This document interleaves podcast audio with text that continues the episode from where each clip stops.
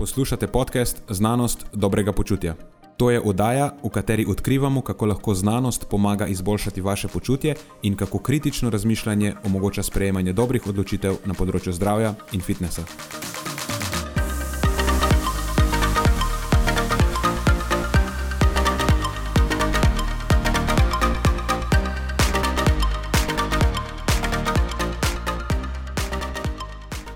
Pozdravljeni, z vami sva Nenad in moj sovoditelj Matjaš.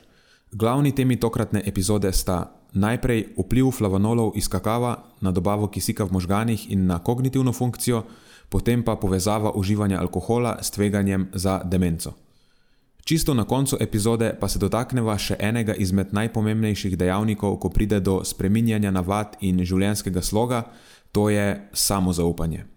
Potem pa razkrijeva še, kako to zavedanje vodi naš pristop k vodenju varovancev na poti do doseganja ciljev, povezanih s prehrano in vadbo, ter kakšna je pri tem vloga zaupanja med varovancem in kočem oziroma trenerjem.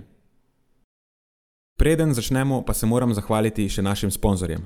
Zaenkrat to še vedno ni velika korporacija, temveč zvesti poslušalci, ki nam izkazujete zaupanje in podporo s prijavo v našo člansko skupino Znanost dobrega počutja.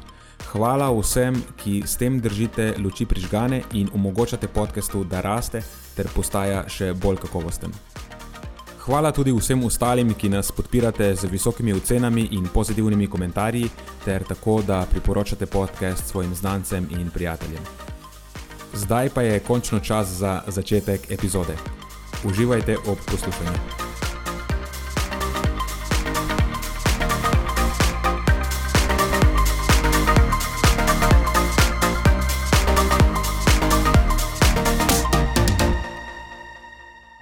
Danes smo spet na tesnem s časom. Super, vse te epizode so pol dobre. E, te so tako ekspresne, hitro noter, hitro ven. Ma ja, pa ne blebetava preveč, vse to je prav, vse mislim, da imajo tu šalci to raje. Mev, ne vem, dobivam mišljene signale. Morava, odločil sem se, da ne bom. Da ne bom več filozofiral na začetku, hotel sem nekaj povedati, nekaj o čemer smo se pogovarjali prejšnji teden v pisarni. Ampak. Boš spustil? Ja, po sili razmer pač se bom odrekel temu v dobro, vseh, v dobro vseh nas. Edino, kar bova naredila, ker to so pa obljubila, da bova naredila, pogledala bova najne revije od prejšnjega tedna, pa uh mhm. -huh. rejtinge. Moram okay. reči, dobila sva dve novi oceni, obe dve petki, nažalost. Aha, ok, ok. In dobila sva nov komentar, nov review, kar je super. Imava še enega starega, jaz bom, zato da bo pošteno, bom prebral tudi starega. Starega nam je napisal Jure. A, Jure. Naših Patreonov. Zvesti podpornik. Tako je. Hvala, Jure. Jure skozi daje dober feedback. Torej, najprej Jure, del komentar. Naslov je odlično. Predvidevam, ja, da mu je dal tudi petko. In pravi, Odlične informacije o prehrani in gibanju na enem mestu. Sploh so mi všeč razna debankanja pseudoznanosti in res dobre razlage ugotovitev in študij, ki jih navadni smrtniki ne znamo brati ali pa se nam ne da. Res odlično, kar tako naprej. Mislim, tukaj ne morem kaj dodati. Vrhunski komentar se. Vsaka čas gre. Vse je povedano. Tako, tako.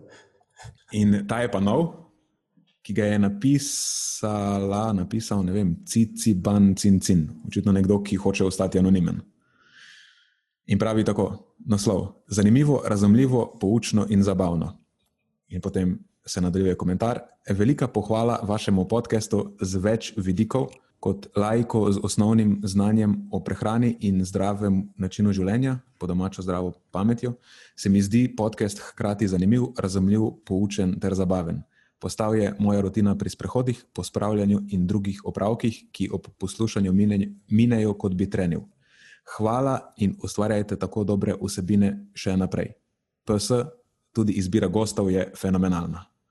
Torej, super tudi za goste. Lepa pohvala za goste, odlično. Odlično, še en fenomenalen komentar. Sploh mi je eh, všeč, mi je, da, da, da je tudi zabavno notri.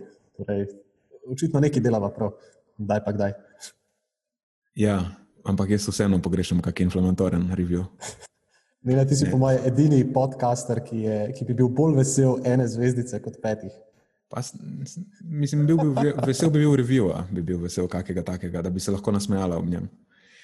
Ampak, lej, sem zelo hvaležen, da so poslušalci zadovoljni. Um, zdaj počutim se malo pod pritiskom. Zdaj je treba vzdrževati ta standard. Uč, očitno je nek standard. Očitno je nek standard. Mislim, da Dobro, da, a imaš ti kaj novega za me? Škaj bom tudi raj prišparal za naslednjič. Se bo naslednjič malo bolj razgovorila na začetku, da, da, da, da ne, da ne zaideva predaleč. Dobro, kakor želiš. Kdo pa bom jaz prvi začel? No, da je, prosim.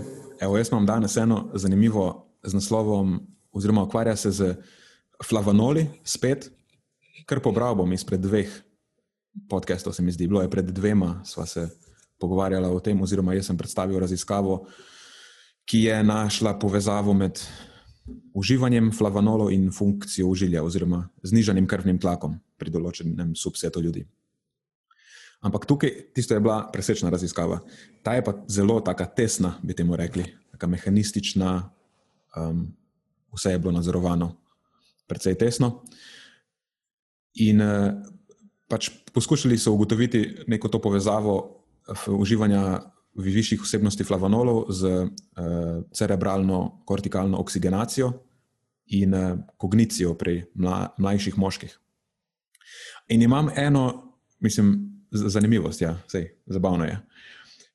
Pri tej raziskavi so sodelovali tudi uh, ljudje iz uh, Birminghamske univerze, univerze v Birminghamu.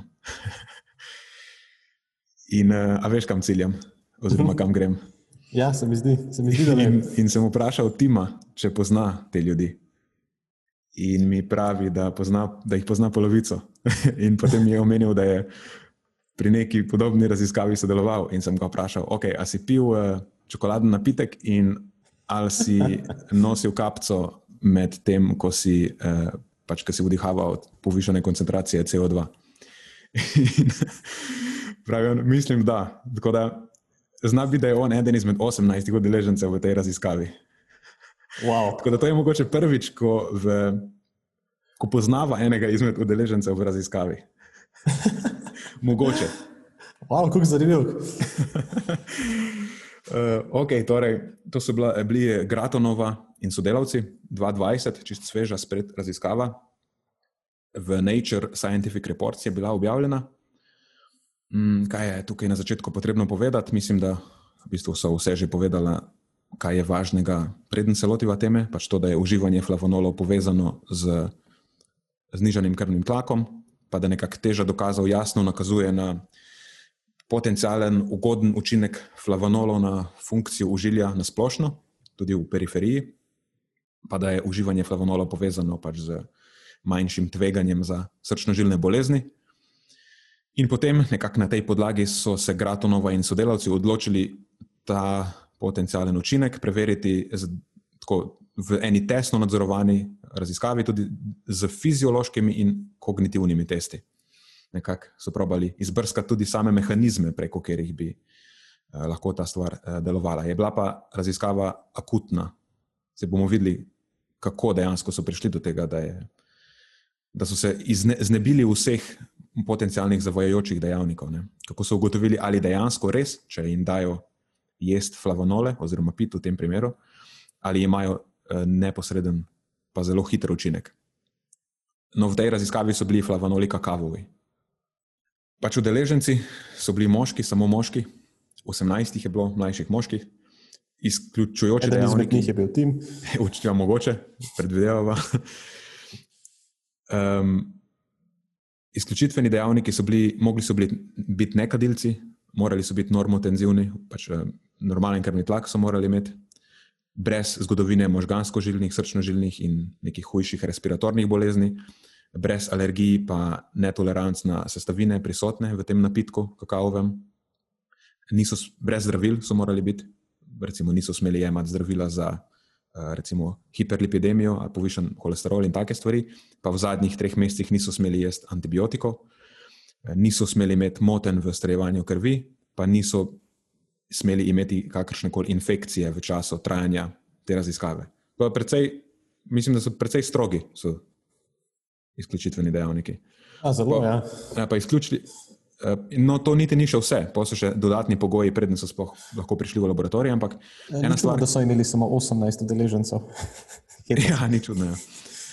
Um, ja, kar je tukaj, pač se mi zdi važno omeniti, to, da so izključili so, uh, ženske iz uh, raziskave. Zdaj pač lahko se pogovarjamo o tem, kako je to um, primerno ali pa ne. Pač dosegli, s tem so dosegli bolj homogen vzorec, to je dejstvo pač, ker so minimizirali učinek teh uh, hormonskih uh, fluktuacij. Temu se reče nihanja, ampak ne vem, zakaj mi je to tako grda beseda. Nihanja, ne maramo uporabljati te besede. Um, v glavnem, ja, teh hormonskih fluktuacij med menstrualnim ciklom um, in pol te fluktuacije lahko imajo učinek na vaskularne izide. Recimo, spoh estrogen, vemo, da ima uh, specifičen učinek na srčno-žilni sistem, spoh na užilje pač modulira vaskularno funkcijo, ne, inducira to vazodilacijo, torej širjenje žil po domače.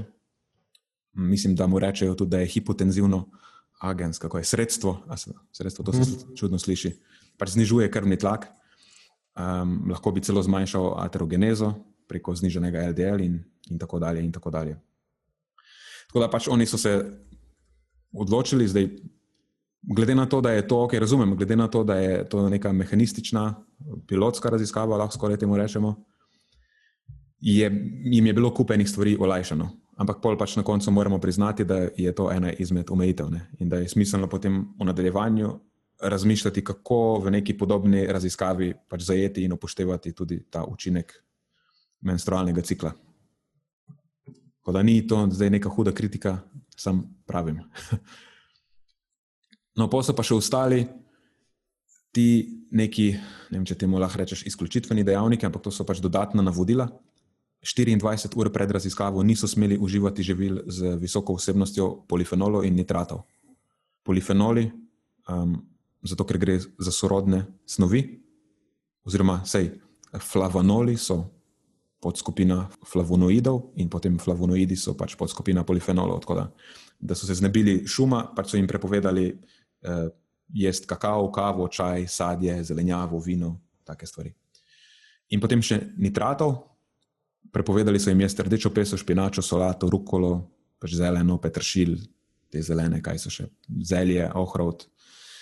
To pa lahko ti poveš, Matjaž, zakaj niso smeli jesti nitratov. Ja, on, on, smo že pri nitratih, ne veš, ali.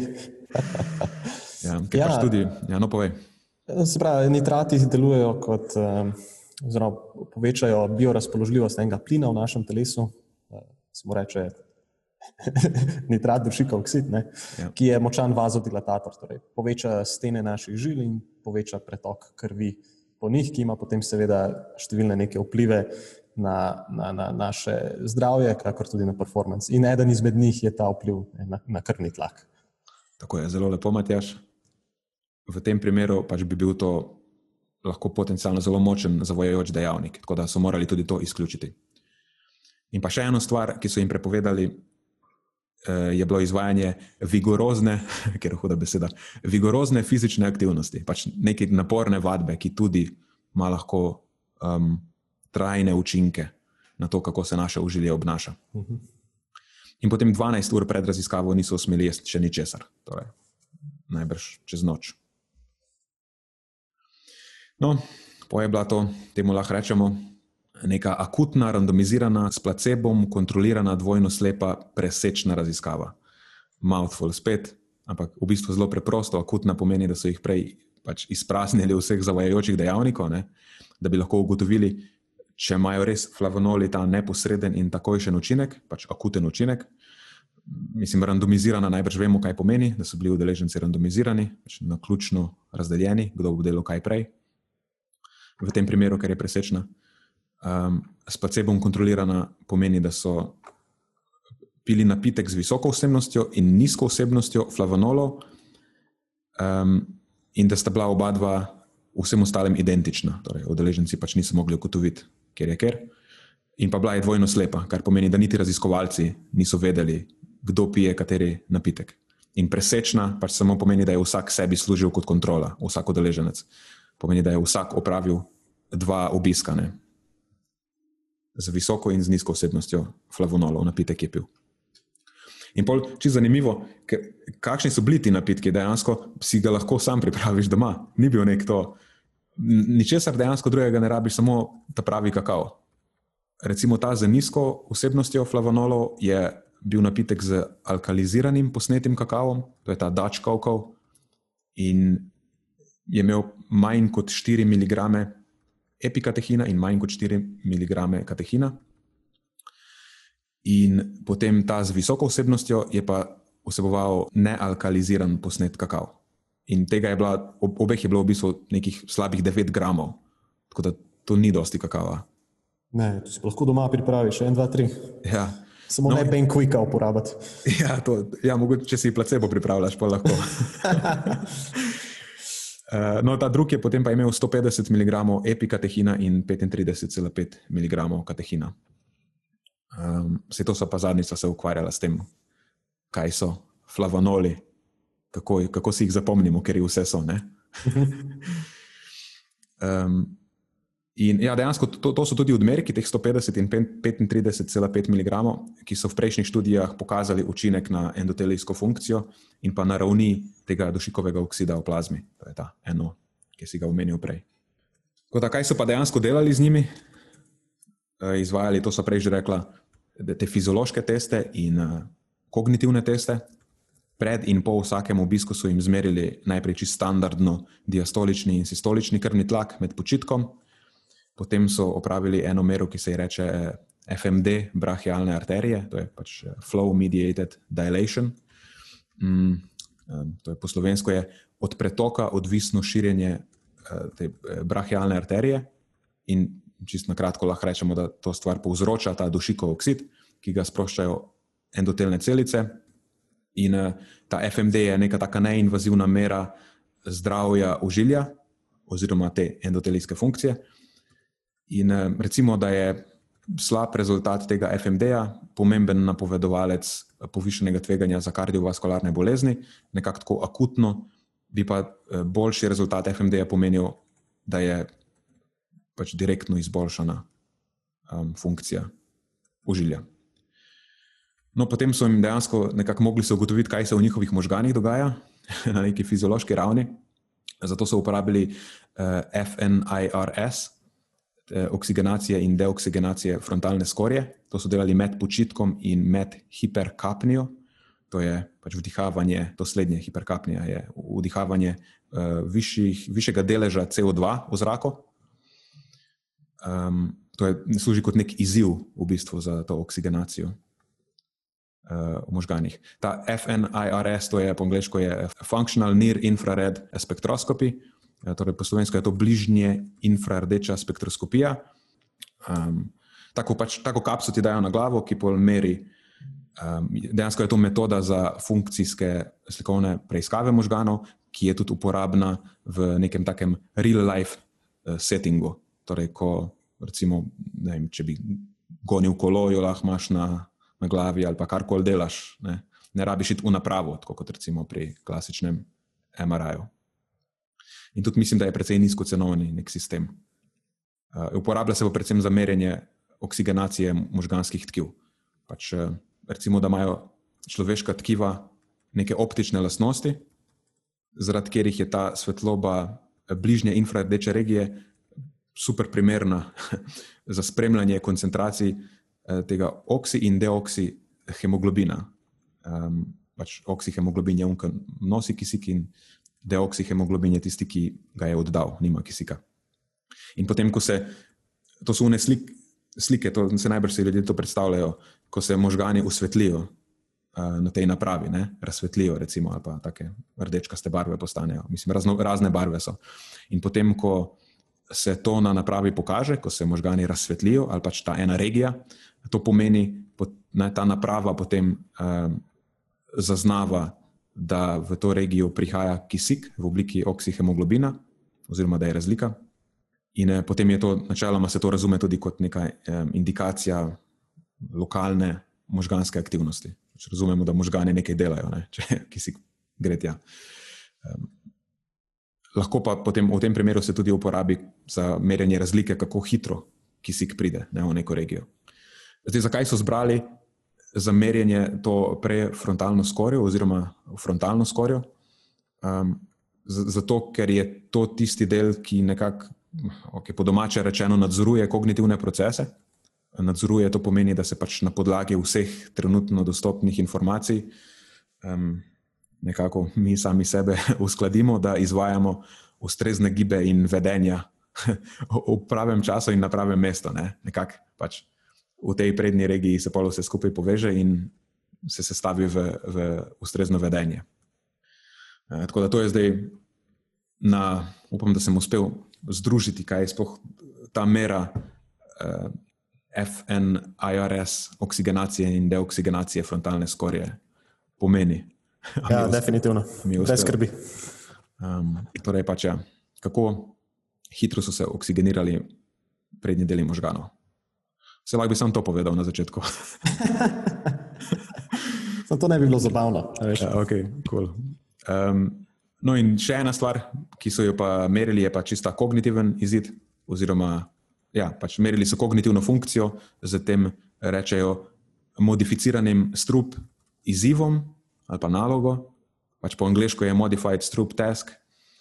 In uh, mislim, da vsi vejo, dejansko so že videli to, da lahko neke te take bolj domače verzije tudi na internetu rešiš. To je tisti izziv, ki recimo, ti da napi, piše ime bar, neke barve, recimo piše modra, in je potem, ampak je ta črke so pa v rdeči barvi in ti moraš poimenovati, kera barva je, ne, brez da bi te zmedlo dejansko, kaj piše, da piše modra.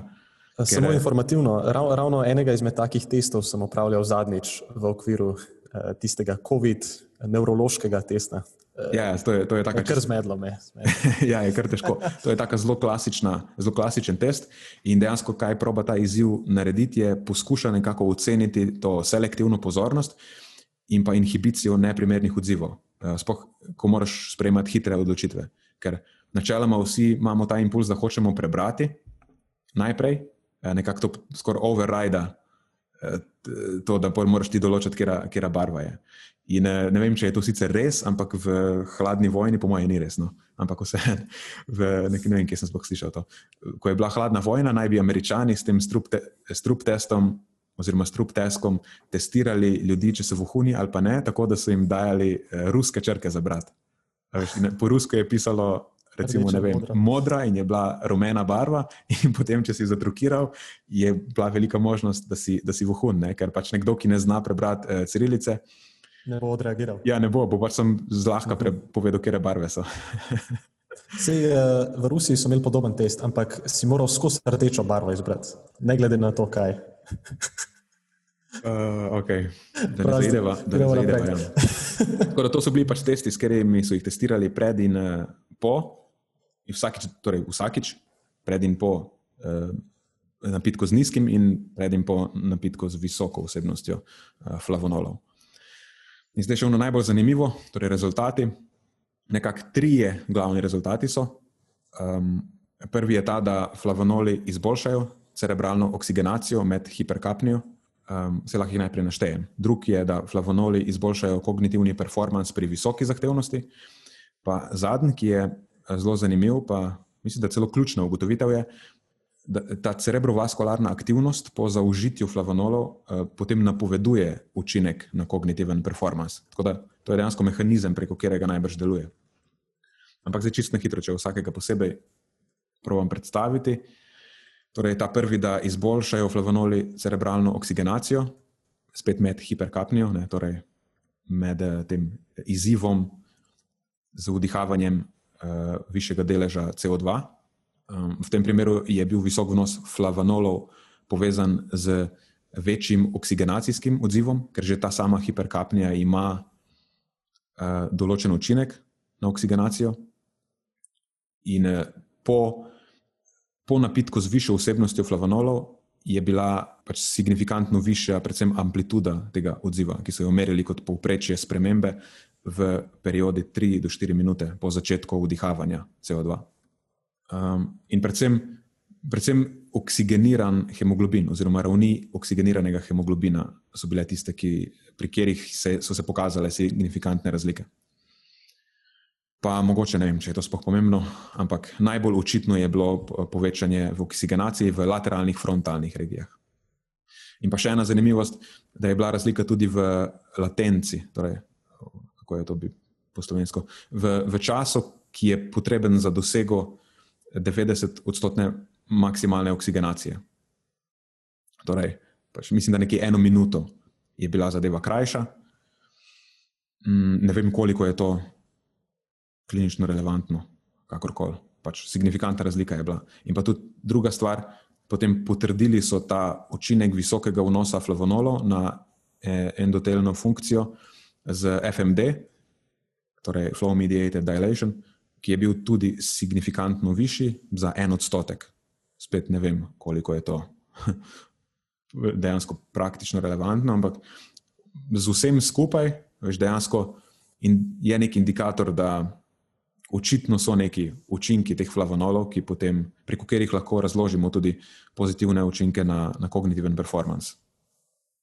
In pol, če kar nadaljujemo na to, na tem strup tesku so udeležence testirali s štirimi različno težkimi variacijami tega testa. Um, in samo pri najtežjem se je pokazala signifikantna, signifikantna razlika. To je ta uh, double strup task, so rekli temu. Pri ostalih treh pa ni bilo razlike. In to je, to je v bistvu zelo zanimivo. Bom kasneje povedal, zakaj. Ker um, je podobno rezultatom, enim drugim rezultatom na, na podobnem področju. Um, torej, ja, pač lahko rečemo, da so flavonoli pokazali koristen učinek pri, eh, v tem najbolj zahtevnem kontekstu, v najbolj zahtevni kognitivni uh, nalogi. Tako da mogoče so potem, uh, če je to dober izraz, lahko rečemo, da so psihološki ergogeni. Ja, veš, da sem te ravno želel malo napeljati na to temo. Če slučajno vidiš kakšne potencijalne, um, neko potencijalno uporabno vrednost za športnike v nekih intenzivnih situacijah, kjer je dotok kisika, vemo, da je malo omejen, pa kognicija postopno malo pada. E, meni se zdi to zanimiva hipoteza. Težko bi rekel ja ali pa ne, ampak se mi pa zdi zanimiva hipoteza. Nekako bi nekdo moral potestirati to. Hmm, da bi vsaj nekoga imel. Vse v eni stvari sem razmišljal, moram poslati polen e-mail. Um, kaj je bilo še? Aha, no, tretja stvar je bila pa to, da ta eh, cerebrovaskularna reaktivnost, eh, so temu rekli, eh, po zaužitju flavonolov je tista, ki napoveduje učinek na kognitiven performance.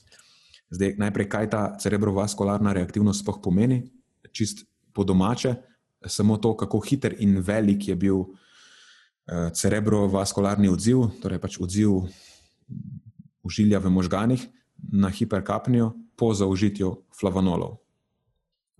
In zdaj pri tistih, pri katerih so zaznali to veliko reaktivnost, torej hiter in zelo učiten odziv, eh, kmalo potem, ko so bili izpostavljeni izzivu, pri njih se je potem pokazal tudi izboljšan kognitivni performance v double strup testu. In to je bilo 13 od 17. Hmm, pri, ust ja, tako, pri ostalih štirih, kjer pa je bila ta cerebrovaskularna reaktivnost nizka, pa ni bilo učinka. Mimo grede, oprosti, da te prekinjam, vse te čudne izrazi prihajajo v slovarček našim Patreonom. Ja, tako je res, ampak vse ni težko. Pač cerebrovaskularna pomeni cerebro je, pač, se navezuje na možgane in vaskularno se navezuje na užilje, tako da možgansko žilna reaktivnost bi lahko tudi rekla. Ampak ima ne nadraje tuje izraze. Vse se, se, se trudim, no, mislim, vse se trudim vmes. Um, ja, in to je nekako to. To so, to so, glavni, um, to so glavne ugotovitve, glavni rezultati. In potem, čist, če potegnemo črto, pa mogoče dava nekaj praktičnih napotkov. Eh, lahko dejansko trdimo, da kakavovi flavonoli povzročijo učinkovitejšo oksigenacijo frontalnih delov možganov med nekim izzivom, v tem primeru med hiperkapnijo in pri mladih moških. To je tudi potrebno dodati. Eh, in zanimivo je, pri ljudeh, ki so dejansko optimalno zdravi, ne pomeni, da mora biti najprej nekdo bolan, da se funkcija pokaže. Ja, kar je zelo pogosto pri kakih drugih dopolnilih. Ja. In eh, pač. Sej ni presenečenje, ker vemo, da imajo flavonoli podobne koristne učinke tudi na periferno užilje. In jaz bi si na tej podlagi, ne samo na tej raziskavi, ampak vseh prejšnjih iz tega področja, tudi bi bil nekako pripravljen sem trditi, da bo redno uživanje flavonolov povzročilo ali pa imelo klinično relevantno ugodne učinke v tem možgansko-žilnem zdravju in posledično pač tudi v najbrž splošnem zdravju možganov. Zdaj, v konkretnih številkah, koliko let eh, pred začetkom demence si lahko kdo prihrani ali pa pred kap, eh, možgansko kapijo ali pa kaj tajega, itak ne moremo podati. Upal bi si pa trditi, da pa čez izpostavljenost večjih let, mogoče celo desetletij, bo nek nezanemrljiv vpliv. No. Uh mhm. -huh. In... Zdaj, če sem prav razumel, pogovarjali smo, smo se o nekih relativno majhnih količinah kakava v tej eksperimentalni skupini, nekaj, kar lahko zlahka sami doma zaužijemo. Ne rabimo nekih ekstra prehranskih dopolnil, nekih norih koncentratov na to temo. Ne, 10 gramov dobesedno slabih. Uh -huh. Se bom pol še povedal o tisti drugi raziskavi, ki sem jo prej omenil. Še mogoče čist ena stvar, ki se navezuje na to konkretno raziskavo, je, mislim, res mi je bilo všeč, ker so tako elegantno je. Ker eh, ti rezultati najbrž pomenijo, da zdaj poznamo tudi mehanizem, ali pa vsaj en mehanizem, na podlagi katerega uh, flavonoli izboljšajo kognitivno funkcijo.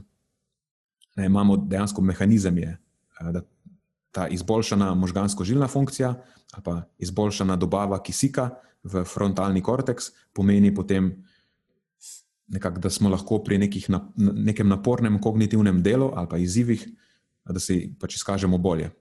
Eh, zdaj pa mogoče še ta, to, kar sem imel v drugih mislih. Ne, to bila je že White in sodelavci, so ekipa, ki to dela. Eh, dva članka imajo objavljena, zelo podobna, 2019 in 2020, eh, torej to leto in prejšnje leto. Enega so objavili na, na mlajših udeležencih, ne vem, kakšen, kakšen je bil breakdown po spolih, enega pa na uh, starejših udeležencih. In spet oni so isto zbrali nekaj, kar je zelo, kar ni težko zaužiti skozi prehrano. Uh, testirali so napitek iz mešanega jagodiča, če izboljša kognitivno funkcijo pri dolgotrajnem miselnem naporu. To je, to je bil miselni napor, ki traja več kot šest ur. Recimo vem, v šoli ali pa pri nekem ne vem, delu, mogoče tudi v pisarni. Uh, in so ugotovili pozitiven učinek. Mešano jagodiče je bilo, mislim, da vse skupaj je bilo 300 gramov mešanega jagodiča in je bilo zelo klasično, ni bilo neko ne vem, eksotično jagodiče, ampak so bile eh, v enakem deležu jagode, borovnice, rubide in maline. Uh mhm. -huh. Mislim, nekih 75 gramov vsakih to pomeni, ne? 300 gramov na koncu. Da, eh, imamo, dejansko zdaj imamo dvoje. Nealkaliziran kakav, 10 gramov in pač nekih 300 gramov mešanega jagodiča. Nekaj, kar bi lahko to. Ja, dejansko konkretno priporočilo lahko podaš. Odlično, to mi je pa všeč da, da ni samo neko teoretiziranje. Ampak Tako da zdaj, preden pošiljamo, preden pošiljamo otroke v šolo, ali pa pred računalnikom, v bistvu zdaj jih ne pošiljamo v šolo. Sej, evo, to sem hotel rentati, vse bom zdaj, čak sem, da to zaključim. E, preden jih pošljemo pred računalnike v šolo, jim damo en smoothie z mešanim jagodičem in kakavom, pa nekaj beljakovin mora biti zraven. Predlagam eno merco beljakovin v prahu, evo, zmaga. Prva liga. Uh, ja, to sem hotel rentati na začetku, točno, pozabil sem. A bo slučajno kdo odprl frizerje, ker to je pa zdaj že kriminal. Že dva, koliko zdaj že? Dva meseca skoraj si moram brado sam briti. Pa se te vidim, ne na te preko kamere, ne zgleda tako slabo. Ja, mislim, dobro, lahko bi izgledalo boljše. Pa tudi. Ne, mislim, katastrofa je to, da ne moj, bo to mislil. Pa moj brivec je specialist v tem, ful boljše naredi zadevo. Jaz pa uno, kako boš da je to v kol, pa komplikacija. Lasje pa itak že zgledam, kaj bo kot lak. Ja, le držimo pesti, ne, da bo čim prej. Mislim, čim prej, to je. Včeraj. ja, to sem ni dobro. Pred, mislim, zdaj predem je spet kaj unga, obojega potrča, kdo na križ pribije. Ne? Ne, ne govorim, da ukrepe podpiramo ukrepe, bla, bla, bla, tako naprej, ampak dajmo nekaj s temi frizeri narediti. Škaj, jaz imam to prednost, da me, da me doma striže punca.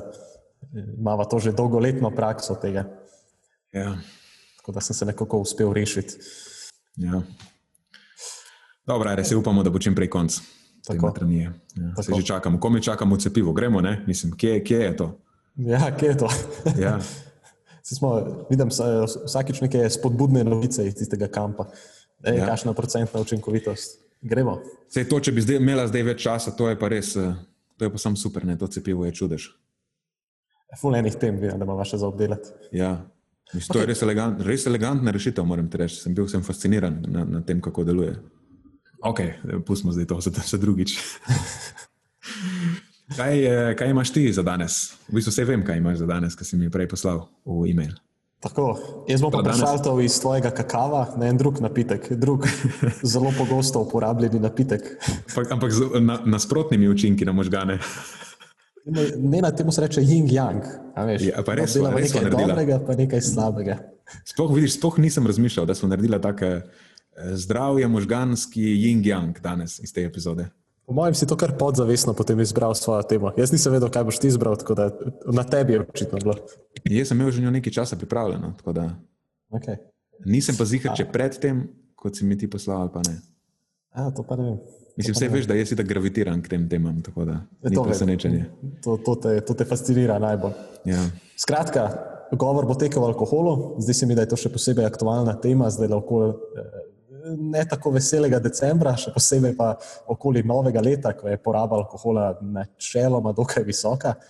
Eh, in tako kot je Nina Džomeno, ne vemo, da ima alkohol precej nekih negativnih posledic različne aspekte našega zdravja, ampak mogoče je pa malo manj znano dejstvo, da je prekomerno pitje alkohola povezano tudi z, z demenco oziroma z nekim pospešenim pešanjem kognitivnih sposobnosti skozi čas. Razlog za to tiči morda v dejstvu, da pretirano nos alkohola vpliva na atrofijo možganov in pa pospešeno izgubo nevronov, primarno v tem prefrontalnem korteksu, torej ta možganska regija v prednjem delu možganov, povezana recimo z našo eh, osebnostjo, sposobnostjo odločanja, planiranja, z nekim našim socialnim vedenjem, pa tudi z nekaterimi aspekti govora in pa izražanja. In tukaj lahko potem tudi hitro potegnemo usporednico eh, s pretiranim pitjem alkohola, eh, kaj ti to vpliva na naše vedenje in odločitve, in to običajno v nekem negativnem, slabem smislu. Uh, okay, ampak kaj naj bi zdaj to konkretno pomenilo? Ne? Kaj je preveč alkohola, kaj bo imelo negativen vpliv, a to zdaj pomeni, da ne smem popolnoma nič alkohola popiti. To bi najbrž bil sicer idealen scenarij, ampak realno gledano nekaj, kar za večino ne bo šlo skozi. In tako potem tudi pridemo do raziskave Kivi Makija in sodelavcev, ki je šla septembra letošnje leto. In sicer se gre za eno multikohortno raziskavo, ki združuje podatke sedmih različnih raziskav, narejenih v Združenem kraljestvu, Franciji, eh, na švedskem in pa na finskem, in združuje suma sumarno preko 130 tisoč udeležencev, starih nekje med 18 in pa 77 let, ki so poročali o svojih pivskih navadah na izhodiščni točki. To je bilo nekje med leti 86 in 2012, čisto odvisno, kdaj se je na katera izmed teh raziskav začela, in potem povprečno 15 let kasneje so naredili follow-up na teh raziskavah pri teh udeležencih in iskali neko to eh, incidenco demence. In ta raziskava je posebna v tem kontekstu, da je največja raziskava do te točke, ki se je lotila tega vprašanja, torej ta povezava alkohol-demenca. Ampak posebna je pa tudi v tem smislu, da je iskala incidenco demence v kontekstu pretiravanja z alkoholom ob enkratnih priložnostih, Eh, do te mere, da izgubimo zavest. Ne, torej, tako pretiravanje z alkoholom. Skratka, njih zanima zgolj nek kroničen vpliv alkohola v smislu uh, povprečne količine popitega alkohola na neki tedenski ravni, kot se to sicer običajno beleži, ali pa na tem običajno merimo neke, te, uh, neke standarde oziroma neka priporočila na državni ravni, A, ampak jih je zanimalo tudi, kako podnarekovaj nevarne so lahko te enkratne priložnosti. Ne? In to neodvisno od tega, koliko alkohola sicer spijemo. In ne vem, mogoče je to neka pomembna implikacija za tiste, ki ste sicer uh, podnarekovaj bolj pridni večino časa, ampak potem tu pa tam pretiravate z alkoholom. Ne vem, karikiram rojstni dnevi, novo leto, uh, ne vem, rojstvo otroka, kakorkoli že. Uh, ok, preden gremo dalje uh, si pogledamo, kako so raziskovalci sploh definirali različne stopnje pitja alkohola znotraj te raziskave. Definirali so prvo skupino pogostejšega pitja kot tisti posamezniki, ki so na tedenski ravni popili več kot 14 enot alkohola in to ne glede na spol. In potem je bila znotraj tega še ena posebna kategorija, ki je popila več kot 21 enot alkohola tedensko, potem pa še kategorija zmernega pitja, če so posamezniki spili nekje med eno enoto in 14 enotami alkohola tedensko, ponovno ne glede na spol. In potem so primerjali število primerov, ki je razvila demenco skozi to poprečno obdobje ne, nekih 15 let med skupino, ki je pila alkohol v zmernih količinah ali pa v večjih količinah ali pa so od alkohola abstinirali. Preden pa si pogledamo rezultate, je mogoče smiselno, da definiramo, kaj za vraga sploh je ena enota alkohola, pa si mogoče tudi pogledamo, kakšni so neki naši uh, standardi na tem področju ali neka priporočila. Uh, ena standardna enota alkohola je približno, oziroma najdemo jo v približno 2,5 decilitrov piva, oziroma en decilitr vina, oziroma en štamprle, po domače povedano, torej 0,3 deci neke žgane pijače. To je ena standardna enota alkohola. In pri nas veljajo smernice, da se za moške svetuje pitje največ dveh enot alkohola na dan, oziroma 14 enot tedensko, ali pa maksimalno pet takih enot alkohola ob enkratni priložnosti. Za nežnejši spol so ti standardi nekako razpolovljeni, torej ena enota na dan, oziroma sedem tedensko, oziroma tri enote ob enkratni priložnosti. Lahko debatiramo o tem, ali je to fair ali ne, ker mislim, da to, koliko alkohola lahko nosimo, pod narekovaji, je bolj kot neodvisno od ne, telesne mase, pa neke genetske predispozicije, ampak ok, se to nima niti veze. Sej, najbolj bi bilo tako, tako, da se popolnoma ognemo samo skupaj. Ne? V bistvu od puste telesne mase je Tako, odvisno. to, to, to, to. Nima veze, če si debel, ti nič ne pomaga. Tako, Dejansko od količine, od količine vode, ki jo nosiš, ne? ki je v maščobnem tkivu ni. Tako da mogoče dobiš kakšno, eh, ne vem, malo bolj eh, nabito športnico, ki lahko pač ne, ne vem, neko metalko kopija, kakorkoli že. Predvidevam, da lahko nosi več kot jaz. Okay, to, malo, malo se šali, malo sem zavil ven. Če se vrnemo nazaj na to raziskavo, lahko vidimo, da so uporabljali dokaj podobne standarde, kot jih ima Slovenija, s to pomembno izjemo, da sta oba spola nekako združili v eno, najbrž zaradi lažjega obdelovanja samih podatkov. No, in potem na koncu so raziskovalci pridobili še podatke glede tega, kako pogosto so udeleženci uh, izgubili zavest kot posledica pitja v zadnjih 12 mesecih, ali je bilo to enkrat, dva do trikrat, ali pa štiri ali večkrat.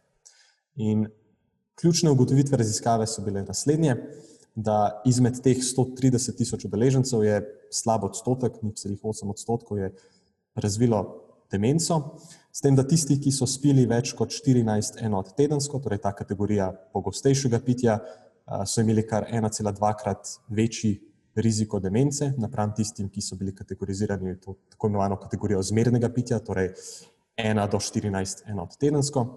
Tisti, ki so popili več kot 21 enot tedensko, so imeli še nekoliko večji riziko, napram tistim, ki so jih popili med 14 in 21 enot.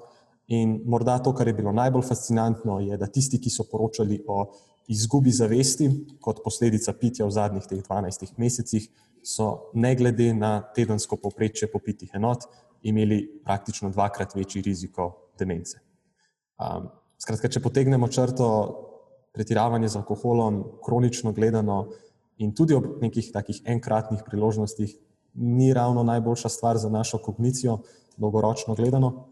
E, mogoče bi se lahko bolje poslužiti enega kakava ali pa enega šejka s kakavom, pa zmrznjenim jagodičem. um, in mogoče samo dajem v razmislek, ne, če ste bili mnenja, da alkohol ni problem, če si ga privoščiš malo več, samo tu pa tam bi bilo mogoče to nekaj, kar je bilo vredno vzeti v obzir. Ne. Zdaj, da ne govorim o tem, kako je stvar lahko eh, nevarna, že akutno gledano, kot neki povečan riziko raznih poškodb in pacov. Ampak, ok, ne, ta, segment, ta segment ni bil zdaj mišljen kot nek pridigarski in da, mor, in da se morate 100% izogibati alkoholu, to zagotovo ne. Ampak samo želel sem povdariti to, da bodite pozorni in ostanite premišljeni v teh eh, novoletnih obdobjih. Sicer pa samo tako kot zanimivost, eh, sem se spomnil, nenad, ko sem pripravljal tale, ta segment, To vprašanje glede tega, kako je z alkoholom, pa kako ga vključiti notri v prehrano, da si narediš najmanj škode, pod narekovaji iz nekega zdravstvenega ali pa estetskega vidika, dobimo zelo, zelo pogosto na nekih predavanjih. Ne? To, je, to je ena komična mogoča situacija. Oziroma, ni, ena, ni samo ena situacija, ampak se kar ponavlja, vzorec je. Ampak, tako da je ja. komičen vzorec, sploh na teh, kakih, ki jih imamo na, za zdravje na delovnem mestu. Pol, recimo, da so, kaj je to, se imajo, mislim, vse je stereotip, ampak vse res je. Recimo, ko so neka proizvodna podjetja, kjer večinoma so moški v kolektivu, je moška delovna sila, lej, tam skozi porabim pa skoraj eno šolsko uro, da se pogovarjamo o tem, kako zajeziti neugodne učinke alkohola. Tako da včasih na kakih, v kakih trenutkih upam, da kdo ne pride preveriti tega. lahko, če dobiš samo en izsek tega, kar jaz takrat predavam, je lahko bi se slišalo zelo vzeto iz konteksta, bi lahko bilo zelo problematično. Uh mhm. -huh. Ampak glavni namen tega je pa vsakič dober. Ne? Gre se za to, kako zajeziti. Ker to pač na neki točki so ljudje, ki bodo pač pili alkohol. In zdaj samo razlika je, ali ga bodo pili pre, z nekimi prilagoditvami, ki bodo umilile neugodne učinke alkohola na, njihovo zdravje, ali bodo pa pač pili nespametno. Uh mhm. -huh. ne, tako da gre se za menedžiranje tveganja v tem primeru. In zdaj, to je ena izmed tistih stvari, kjer zdaj razmišljam, če je to samo ena, ampak mislim, da je vedno tako na vseh področjih. So stvari, o katerih se ne pogovarjamo, ki veljajo za neke tabu teme. Uh, vedno je to na škodo teh ljudi, ki eh, participirajo v v teh početjih. Recimo, isto je na področju drog in vsega ostalega. Veš, če se ne pogovarjamo o teh stvareh, ker to je pa pač oh, slabo in bog ne dej, ne? samo šel boš v pekel, če, če se boš drugiral, varianta. Um, od tega nima noben, no, ni koristi, no? ker po eni strani močno dvomim, da to kogarkoli, ki se je odločil poskusiti nek, neko stvar, da ga kakorkoli pač prepričamo nasprotno doskrat ima čist drug učinek. Sploh če ima nekdo tako karakterno lastnost. Mislim, čist nasproten učinek imajo neke take stvari, ki mi poveš, tega ne smeš, to je pa ok, kako začnem. Um, kaj se hoče reči? Ja. In pač moramo iti čez to, da se o nekih stvarih nočemo pogovarjati. Tako kot o alkoholu. Ne? Jaz bi zdaj lahko rekel, ok, cool, ne smete piti alkohola, ne bomo se o tem pogovarjali. Ker ga pač ne smete. ne? Ampak kaj s tem dosežeš? Noč, v bistvu. Bistveno boljše je, če rečeš, ok, kul, cool, jaz sem odprt za to zadevo, da se o tem pogovarjati, da imamo narediti cost-benefit kalkulacijo. Bomo najdel par rešitev, kako lahko to delaš pametno. Eh, vam bom povedal, kako ni pametno to delati, kakšne so dejanske implikacije, če to počnete. Paš probaš jim zadevo približati, ne bolj, bolj kot to, da jim rečeš, tega ne smeš, samo ker ne smeš, ker je slabo, ampak jim pač rečeš, da je to dolgoročno, ne, konkretno v tem primeru, pač ima neugoden učinek na zdravje možganov, tveganje za demenco, a hočeš prepoznati svoje vnuke, ko bo star 70 let ali jih nočeš. Um, potem še ena stvar, ki se mi vedno izkaže kot zelo učinkovita v, v teh specifičnih moških kolektivih, je, da se sklicujem na uh, erektilno disfunkcijo. to je tako, pač brca v jajca, dobesedno, tukaj pač dobiš pozornost, sam tako, um, pač kardiovaskularno zdravje ni tako popularno, noč ni v bistvu tako popularno. Tako da nekako najdeš pot v njihovo srce. No? In se pač odprto o tem pogovarjaš, in tudi usvežujoče je za njih. Ker na začetku itak si predstavljajo, da okay, ta nam je spet eh, prišel eh, nakladati o nekem zdravem življenjskem slogu, in po jih dobesedno razorožiš, kaj poslušaš, kaj mhm. rečejo, in se smiselno odzivaš na njihov feedback, in vidijo, da so upoštevani. No? Tako.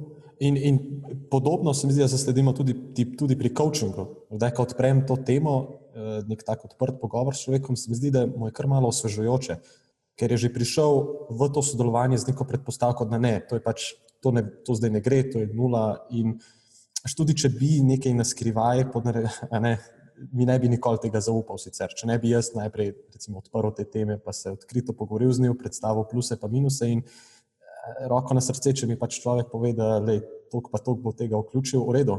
Bomo pa zdaj najdel neke uh, praktične, um, praktične navodila, kako to najbolj smiselno vključiti noter, z najmanj neke škode. Ne. Ej, mislim, da nam je, je zdaj v tem trenutku na, našla tista tema, o kateri sem želel prej govoriti. In uh -huh. predvidevam, da si ti zaključil s tem. Res je. In imamo še 15 minut časa, tako da mogoče Dajva zdaj lahko izkoristiti, ja. To bo zdaj full na pamet, da, ampak se zdaj so že vajeni poslušalci. Um, tema je zaupanje, v bistvu, o kateri sem hotel govoriti. O tem smo se pogovarjali prejšnji teden z Marijom v pisarni. Um, sicer nismo se pogovarjali konkretno o zaupanju, pogovarjali smo se o tem, da kaj je pogosta težava ljudi, ki fejlajo, oziroma ki jim spodleti v spreminjanju svojega življenjskega sloga, oziroma doseganju nekih konkretnih rezultatov na tem področju. Recimo, da se nekdo odloči za spremembo neko prehrane in nekaj je ena pomembna ovira pri tem, je to, da ljudje doskrat vejo, kaj bi mogli početi, vsaj približno, recimo, ampak nimajo uh, samozaupanja toliko.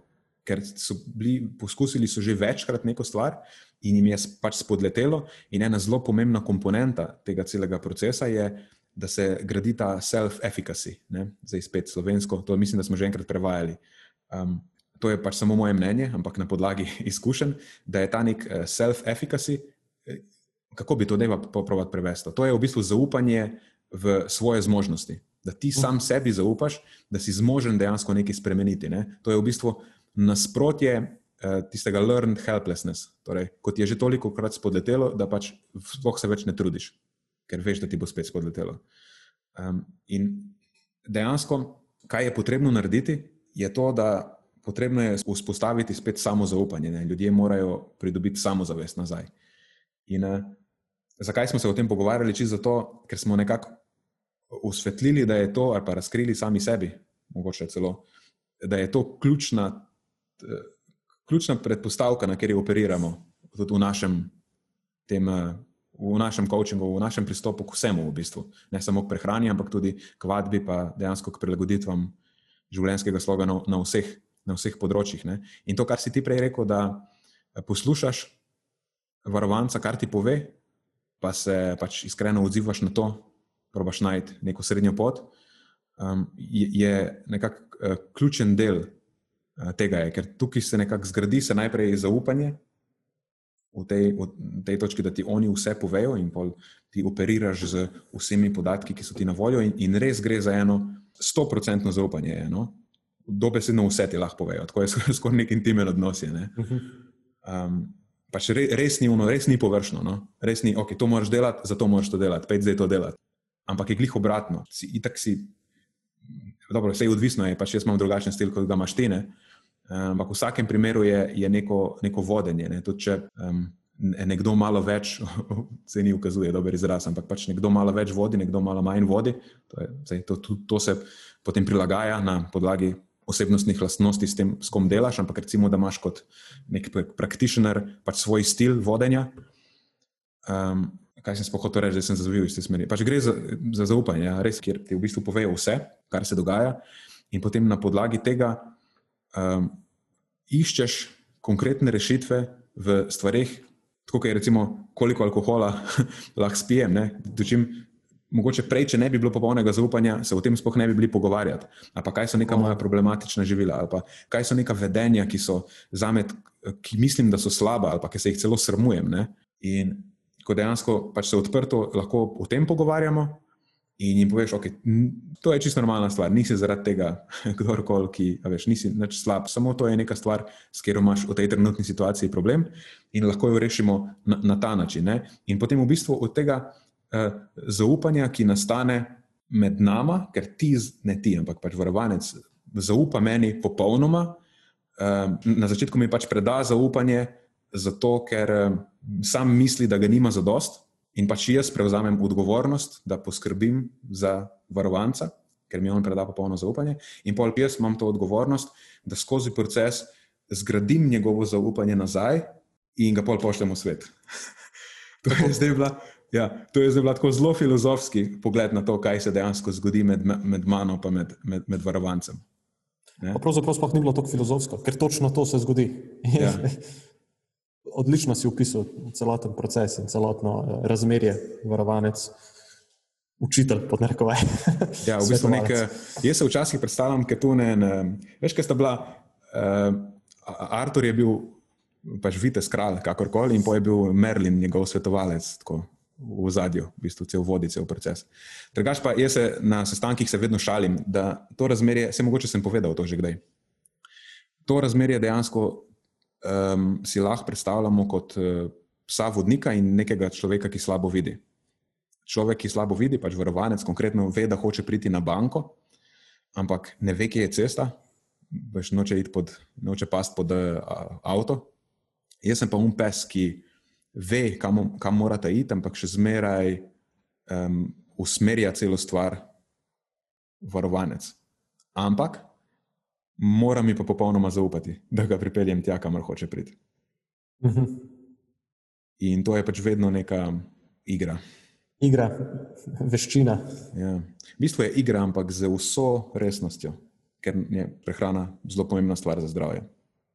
In na tej točki, a moramo še kaj dodati? A je to zaokrožen podcast? To si tako fantastično povedal, da ne bi ene besede ne bi dodajal, da ne bi tega pokvaril. Da, mislim, mogoče, mi prvič, mogoče mi je prvič uspelo povzeti neko stvar tako, ampak res na pamet. Je še večkrat moral to provati. Mislim, da je to tudi dobro za najo. A misliš, da dobivam, a misliš, da dobivam kilometrino? Ja, eh, kako že, kje smo zdaj? 36 gre rado. Tako klasični slovenski pregovor, 36, to gre rado. Drugač pa naslednjič bo 9 mesecev. A res, mm. sem res, bravo. Ja, torej, 3 leta. Priznam, nisem vedel, da bo prišla do te točke. Gremo strumno proti enemu letu.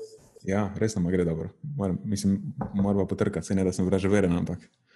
Eh, ja, jaz bi tudi. Ja. Ja. Poleg tega, kaj se vse še dogaja, vmes, takrat, ko smo štartali to stvar, je bilo vse malo več lufta, smo imeli Tokrat ja, to. moramo kar malo dihati na škrge. Ne? Mislim, da je že nekaj deset epizod, je že kar napeto. No? Res. Tako da glej, v, držimo v, pesti, da gre tako dalje. Našla, našla sva nek ritem. Ja, res. Glej se vsak teden, realno se loviva s temi termini. A, dobro. Dobro, to lovljenje terminov bo vedno v igri. Zdaj, na koncu sem hiter, sicer vse je v bistvu boljše, da so tako naredili. Imel sem še eno vprašanje, ampak bo to za naslednjič. Ok, da je pa pol tako. Tako je. Potem pa, Nenad, hvala ti za še en izvrsten pogovor, tokrat eh, vse o možganjih, očitno nekih plusih in minusih. In seveda, kot vedno, hvala vsem poslušateljem. Hvala tudi tebi, Matjaš, in hvala poslušalcem. Spet je bilo zanimivo in poučno. Se slišimo prihodnič. Se slišimo naslednjič.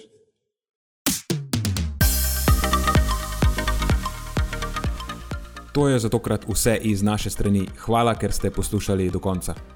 Če mislite, da je bila današnja epizoda pomembna, jo prosim delite s svojimi znanci in prijatelji in jo priporočajte dalje, saj s tem omogočite, da doseže čim večjo množico.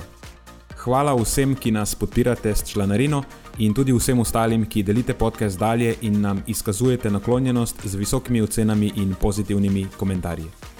Se slišimo prihodnjič, do takrat pa ostanite premišljeni.